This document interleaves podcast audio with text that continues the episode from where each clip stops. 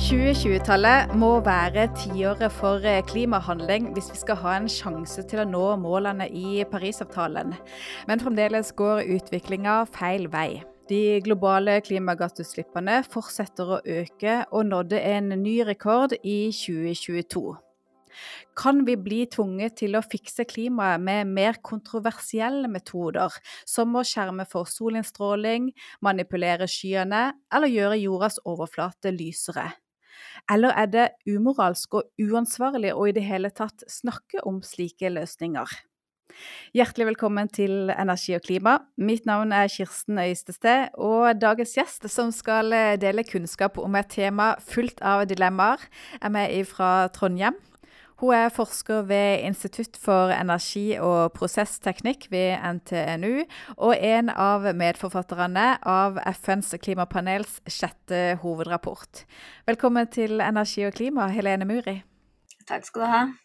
Du, klimafiksing eller klimamanipulering, det er både fascinerende, men kanskje enda mer skremmende. Er du enig i det, eller har du et annet syn på det, du som har forska delvis på dette siden 2011? Ja, nei, jeg må si jeg er enig i det at det er, eh, det er eh, både skremmende og også fascinerende. Så da jeg først begynte å forske på det her eh, rundt 2011-2012, så så jo, hørtes det jo helt vilt ut. og, og, og, skremmende. Og så har jeg jo puslet med det nå en god stund. Og, og, en av grunnene til at jeg fortsatt driver med det, er for det er jo sånn nysgjerrighetsdrevet forskning. ikke sant? At man, man blir jo litt eh, fascinert av, av, av, det her. Kan ikke du bare innledningsvis forklare hva vi mener med klimafiksing eller klimamanipulering? Ja, så, det, så man har en offisiell definisjon på det, og det er at det skal være en bevisst og også storstilt eh, modifisering av klimasystemet, da, som Royal Society definerte det eh, allerede i 2009. Så det går jo det på å prøve å, å, dempe de verste effektene av uh, den globale oppvarmingen og klimaendringene ved, ved da også aktivt gå inn i klimasystemet og prøve å påvirke det. Så, så en del av det man ser på, er å prøve å kjøle ned uh, temperaturene ved bakkenivå ved å prøve å øke strålningen av sollys. Eh, sånn at man har en mer reflektiv overflate på jorden, da, f.eks. Eh, sånn som du nevnte innledningsvis. Sånn at eh, mindre sollys når bakken, og det blir dermed da mindre oppvarming pga. det. Men det tar jo ikke for seg roten til problemet, da, og det er jo eh, karbondioksidet, og altså klimagassene da, som varmer opp, eh, opp jordkloden. Mm. Men dette er jo tenkt da som et alternativ hvis vi ikke klarer å, å, bremse klimaproblemet ved å kutte utslipp. Og hvilke ulike teknologier og ulike løsninger for eh, klimafiksing eller klimamanipulering er det som det forskes på?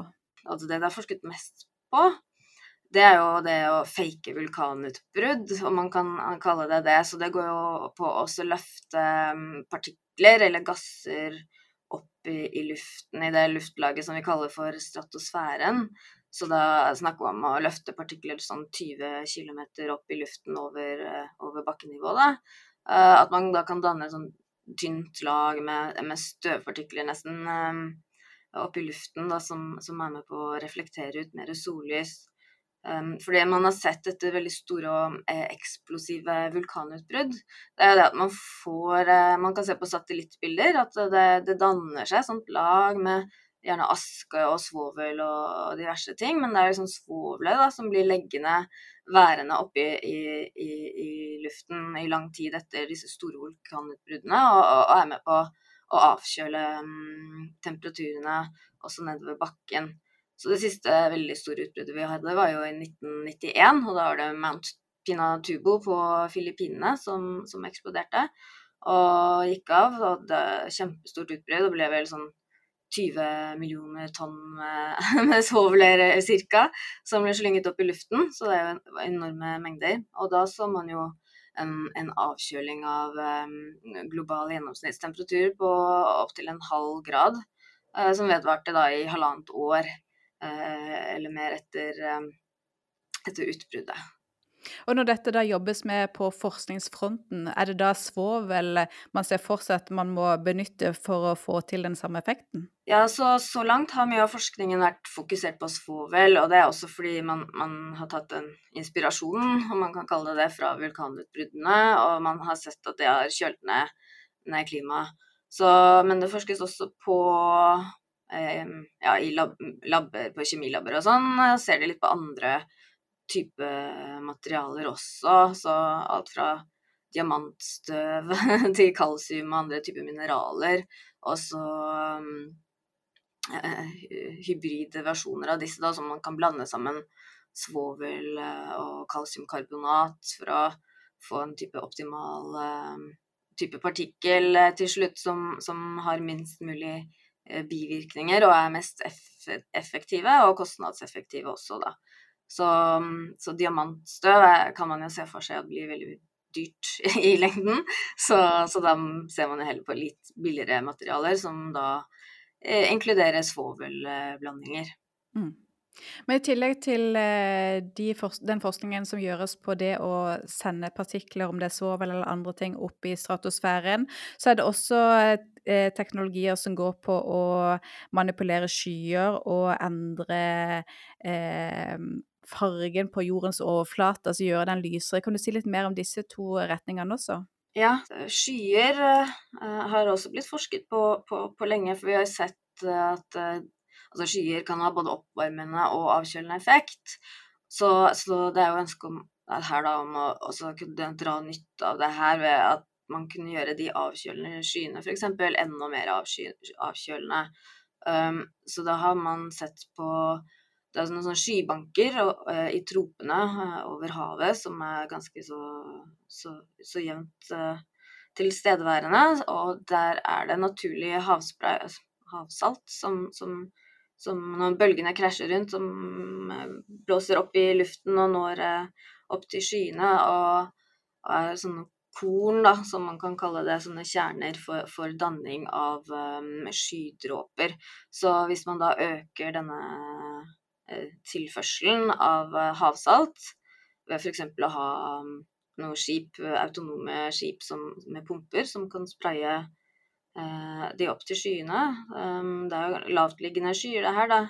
Så du trenger ikke å, å spraye så høyt opp.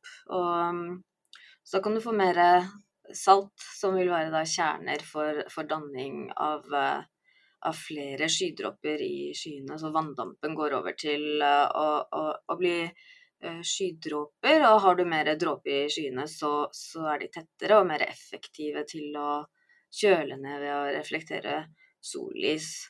Så, så det her har det også blitt forsket en del på, og, og det gjøres faktisk også uh, Noe av det her i, har blitt gjort utendørs i Australia, uh, over The Great Barrier Reef.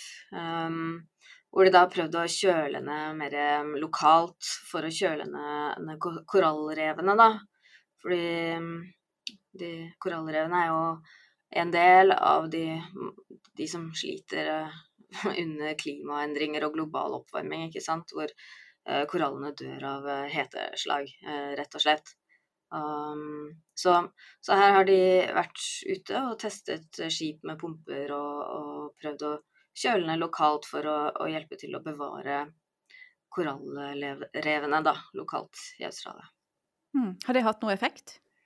Ja, nå har, har ikke jeg sett uh, noen offisielle resultater av det, annet enn at jeg har hvert ute og, og, og, prøvd uh, å gjøre det her. Uh, jeg tror jeg har sett en del av det ble til tåke, men ikke skyer. Så men noen endelige temperaturendringmålinger har, har, ikke jeg sett fra det de har jobbet med. Det ble jo også litt ståhei rundt det her internasjonalt da, da, da det ble mer viden kjent at de har vært ute og, og, og testet det her. Fordi vi har jo noen prinsipper som vi prøver å jobbe etter, da, de av oss som, som jobber med, med klimafiksing. Og det, det, det, er jo disse Oxford-prinsippene, da, som, som, man kaller det. Og det går jo på at forskningen skal, eh, skal offentliggjøres og være åpen, og det skal være åpne publisering som blir fagfellevurdert. Um, og også at det skal være offentlig deltakelse før man eh, går ut og gjør det her eh, i praksis. Og så bør det også være noen styringsstrukturer på plass før man også tar i bruk det her. Sånn at de Fordi den teknologien de bruker, selv om de gjør det bare regionalt eller lokalt, så er det akkurat den samme teknologien som vil kunne brukes for klimafiksing. Så hvis de skalerer det opp, så er det jo plutselig klimafiksing og ikke bare um, konservering av korallrev. Mm.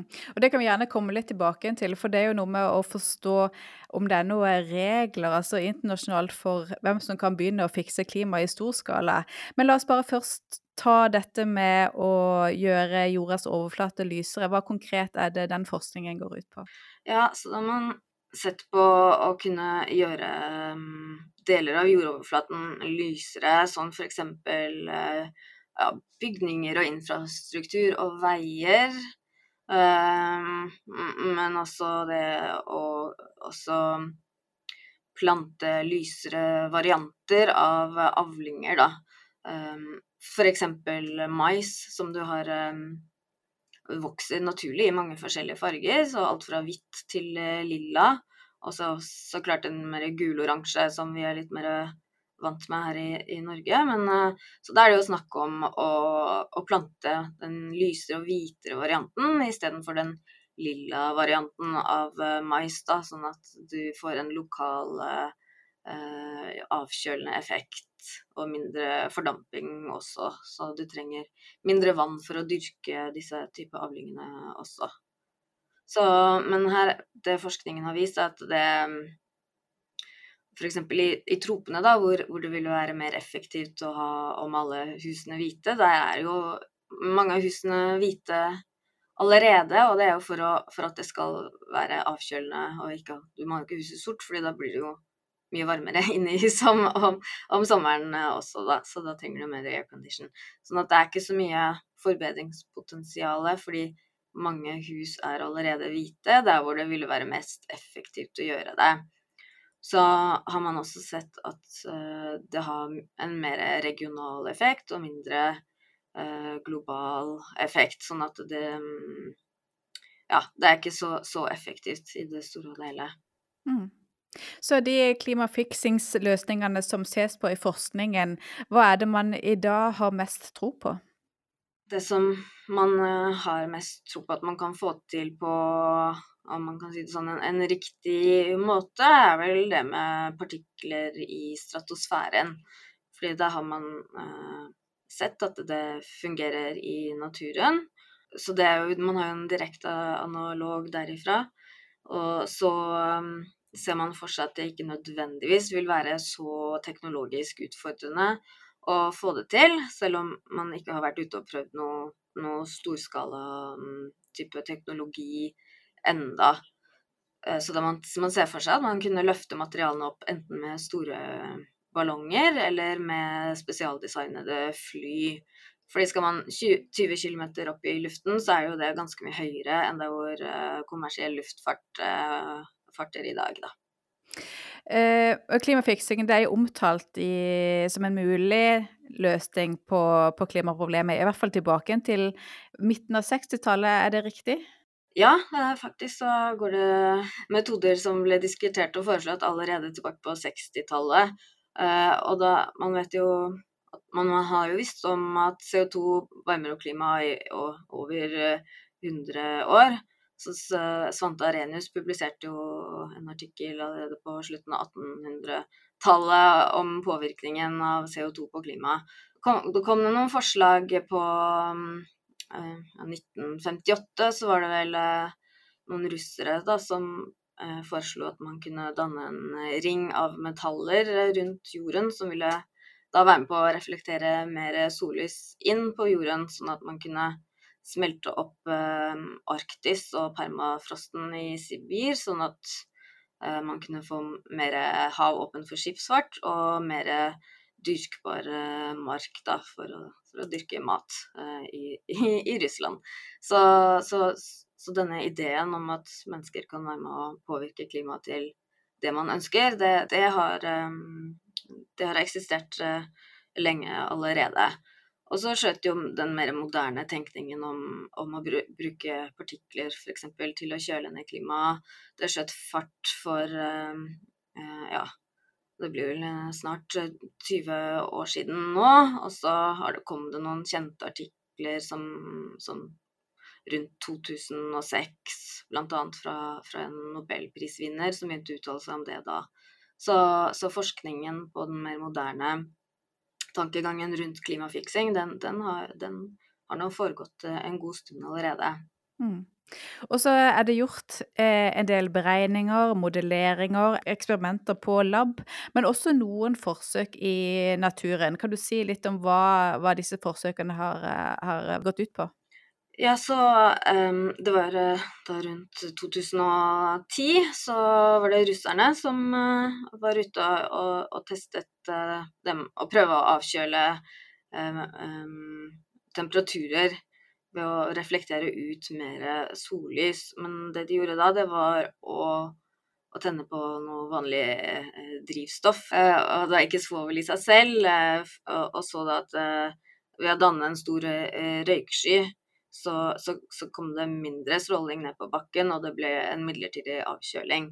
Så, så det publiserte de inn i noen russiske meteorologiske um, tidsskrifter.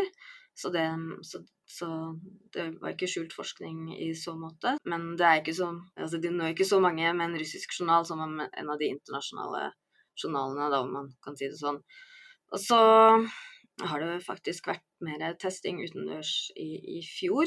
Um, så da var det i, i, på høsten 2022 uh, i USA så er det da et startup-firma uh, som um, som da prøver å, å, kommersialisere det her. Da. Så de har sagt at du kan kjøpe eh, utslipp av ett gram SO2 hvis du betaler ti dollar til dette selskapet. Så de har så langt solgt nok tilsvarende 200 dollar. Så de har vel solgt 20 gram da, av SO2, så det er jo bare ja, veldig lite enn så lenge. Eh, men de har nå vært ute og sluppet ut et par ballonger i, i Baja California. Um, hvor de rett og slett bare kjøpte værballonger og svovel på Amazon. Og fikk det sendt eh, hjem og tok det med seg på bussen og ut i, på Baja California, og, eh, hvor de da blåste opp ballongene med helium. Prøvde å få inn litt, uh, litt grann, noen gram uh, SO2, så svoveldioksidgass, uh, som de da slapp opp. men de aner jo ikke hvor, hvordan det gikk, da, hvor høyt disse ballongene kom seg og hva som endte Hvor disse grammene med svovel endte opp. Mm, men hva syns du som forsker, da, at det nå finnes en startup som prøver å selge denne type klimafiksingskreditter, og slipper ut eh, svovel uten at de vet verken hvor det havner, eller hva effekten er av det? Ja, altså det er jo altfor eh, prematurt. En ting er jo måten de har eh, angrepet det her, og det andre er hvor er forskningen i forhold til eh, det å ta det i bruk nå? Og forskningen er jo ikke på langt nær klar. Vi har jo ikke noe klare svar på er dette en god ting, eller er det en dårlig ting for klima, natur, helse, mennesker, dyreliv osv. Så videre. sånn at forskningen er altfor langt unna i dag til å si om dette her er en god idé eller en helt forferdelig idé. Ikke sant? Så, så det er jo eh, skummelt når noen prøver å bare hoppe over alle fornuftssteg og ta det, mm, ta det med ut i, i, naturen på egen hånd. Men er det ulovlig, eller altså, er det fritt fram å starte opp den type virksomhet og, og sende opp ting i atmosfæren? Altså, Finnes det noen regler som eh, må følges internasjonalt? Det er faktisk eh, ingen regler på det på det internasjonalt nå. Eh, så, så, det er også det vi forskerne prøver å si, da, at både mm, regelverk og styringsorganer som er nøytrale, må, alle disse tingene må på plass før man kan gå i gang med det her i, i praksis. Så, så det, det, er jo en veldig ubehagelig følelse når noen da bare tar tak i det og løper ut og gjør som, som de vil, når man vet at det ikke er noen organer som kan regulere det. Det er ikke noen form for styring, og vi aner ikke om dette er bra eller dårlig for, for, for, for menneskeheten på stor skala, ikke sant. Men samtidig så, så det er jo der en startup som som har kjøpt uh, ballonger og svovel på Amazon, ikke sant. Og de har jo ikke teknologien til å gjøre det her i noe stor skala i det hele tatt. Så de har utstyr nok som vil tilsvare hennes effekt på å gråte noen tårer i havet, egentlig. Altså ikke målbart i det hele tatt. Um, men uh, så om det her akselererer forskningen, eller om det akselererer um, et moratorium på, på, forskningen, at det her bør man ikke gjøre lenger uh, fordi man får crazy people, uh, galninger, som, som, løper av gårde med det. Men, eller om det da blir sett på som klimaaktivisme, da, at det kanskje dytter eh, litt mer fart på, på, den grønne omstillingen og omleggingen av samfunnet. Også fordi det vi ser så langt, da, det er at det Altså disse metodene de er ikke noe substitutt for utslippskutt.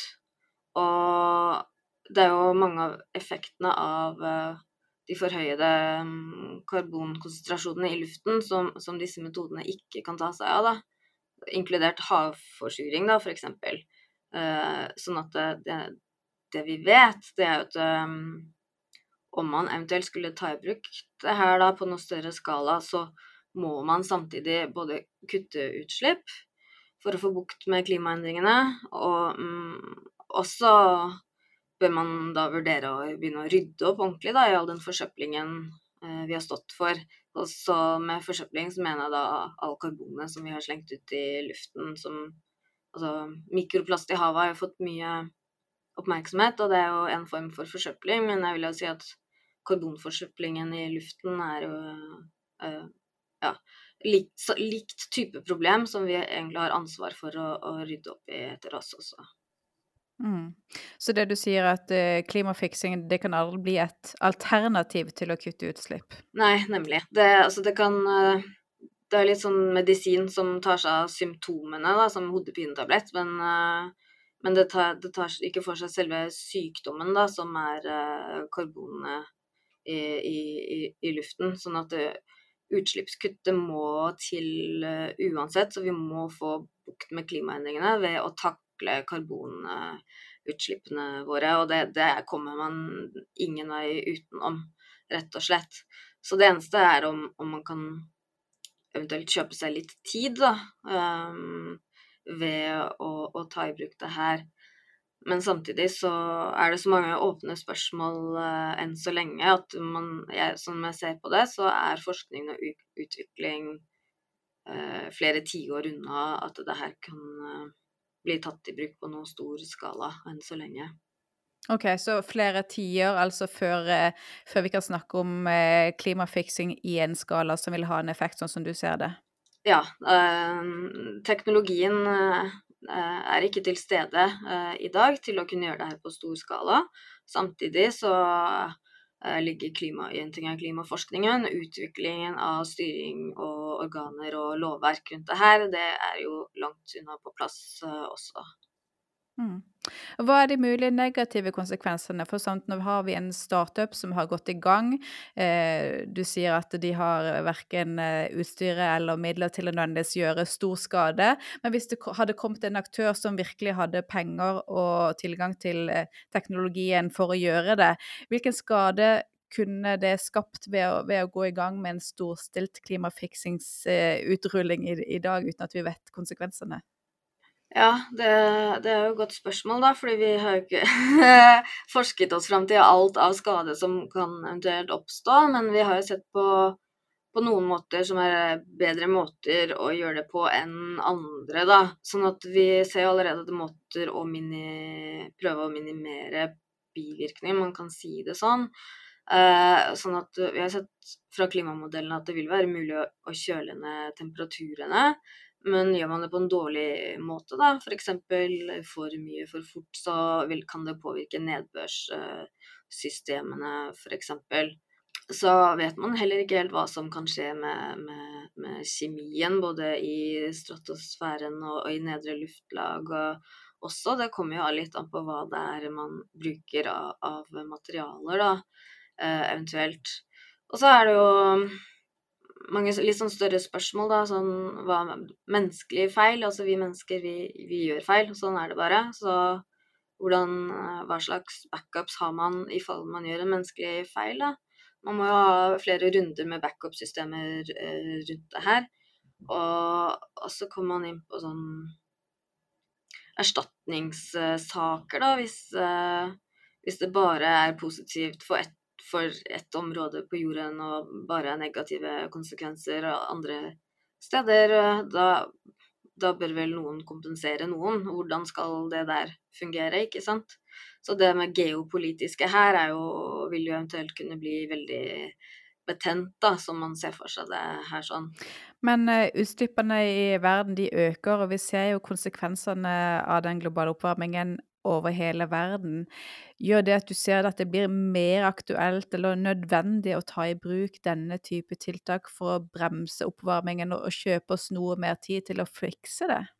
Ja, altså En av grunnene til at uh, man fortsatt forsker på det her, er jo det at man ser jo det som du sier, at utslippene har gått opp og opp, og det samme med den globale oppvarmingen. Og vi er jo i dag på 1,2 grader varmere globalt sett sammenlignet med førindustriell eh, tid.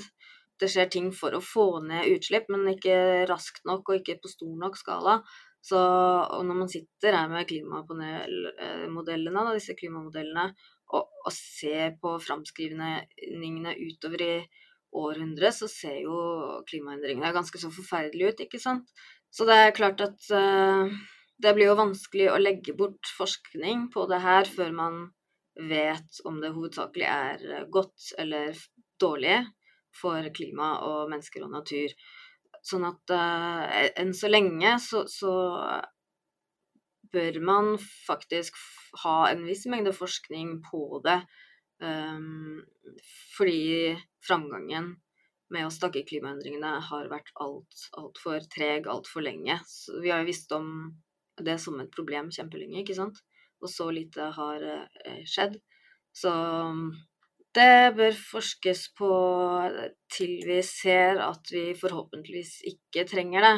Så, så det jeg håper på, da, er at um, vi får til utslippskutt og en bærekraftig omlegging av samfunnet.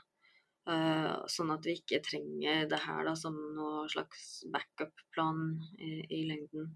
Men fra du begynte å forske på dette i, i, 2011, og dette er jo ikke det eneste du forsker på, men det er en del av din forskningsportefølje, men fra 2011 og fram til, til i dag, hvordan har ditt syn på, på denne løsningen utvikla seg, og er du mer eller mindre optimistisk med tanke på at dette kan ha noe for seg?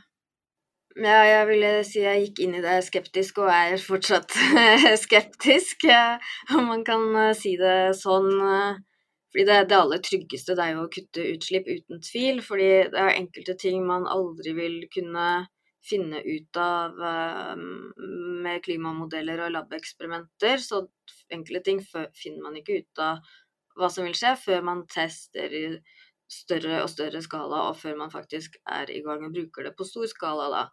Så, så, så det i seg selv er jo ganske skummelt, fordi du har disse mm, uforutsette konsekvensene, da, som vi ikke har noe peiling på hva vil eh, eventuelt kunne være.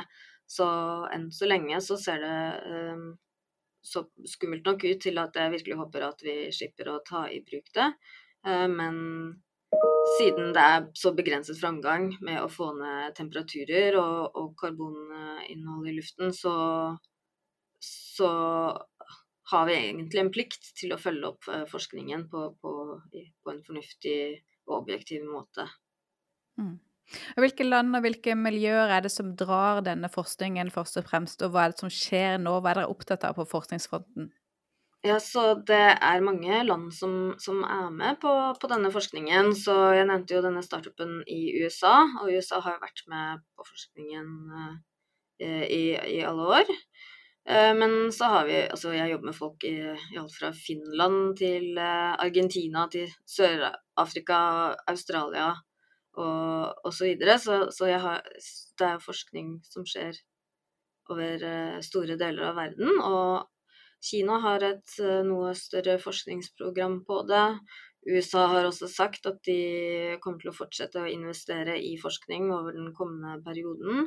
Og EU har jo en utlysning løpende for øyeblikket på mer forskning på det her.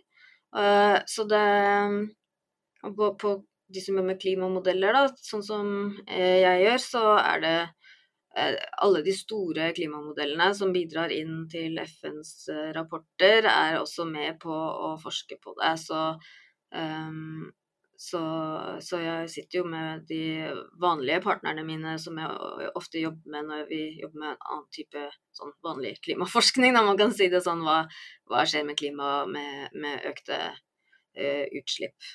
Um, så, så det, det, er ganske mange som holder på med det her. Um, men så Men hvis, hvis du ser på mengden av, av forskning i type antall eh, publikasjoner, vitenskapelige publikasjoner per år, så ligger det på ca. 150 artikler i året uh, som nevner uh, de engelske begrepene for, for uh, klimafiksing. Mens hvis du ser på antall artikler som, som nevner klimaendringer, eller climate change, så, så ligger det på 30 000. Sånn at det er 150 på klimafiksing og 30 000 artikler i året som ser på klimaendringer. Da. Så det, det, er også en refleksjon av, uh, av, uh, av selve mengden på forskningen og mengden på investeringer. Og at de fleste av de som jobber med, med klimafiksing i klimamodeller, de jobber hovedsakelig med og prøve å forstå vanlige klimaendringer, om man kan si det sånn. Og også sånn som meg, som ser på andre Forsker på andre metoder for å få ned utslipp, og også fjerning av, av karbon fra, fra luften. Mm. Eh, bortsett fra denne startupen i USA, er det andre ting vi bør følge med på fremover for å se på hva som skjer innenfor dette området? Ja, det blir jo veldig viktig å følge med på hva det er som skjer med denne startupen, og også det som skjer eh, med korallrevene i Australia. Ellers så Det som er interessant, da, hva vil det her eh, eventuelt få i gang av eh, organer, styringsorganer og lovverk, om det kommer noe forslag i den retningen. Eh, men ellers så er det såpass mange ting som vi ikke eh, vet ennå, som vi må fortsette å forske på det. Og det er jo alt fra hva, hva skjer med økosystemer, og hva med geopolitikk, hvordan kunne forskjellige roller utvikle seg, uh, om det her blir tatt i bruk, og alt fra tørke til matproduksjon og, og så videre. Så det er, det er veldig mange ting som vi ikke har eh, kontroll på eh, eller oversikt over hva som vil kunne skje. Og vi kommer også til å fortsette å se på hvordan de forskjellige av bærekraftsmålene til FN vil kunne se ut da under i en verden hvor klimafiksing eventuelt er blitt tatt i bruk. Så det, det er mye å følge med på framover også. Mm. Ja, men fint. Tusen takk for praten, Helene Muri. Takk for meg. Takk også til du som lytter på, og abonnerer på podkasten fra Energi og klima. Vi er tilbake igjen neste uke. Takk for i dag.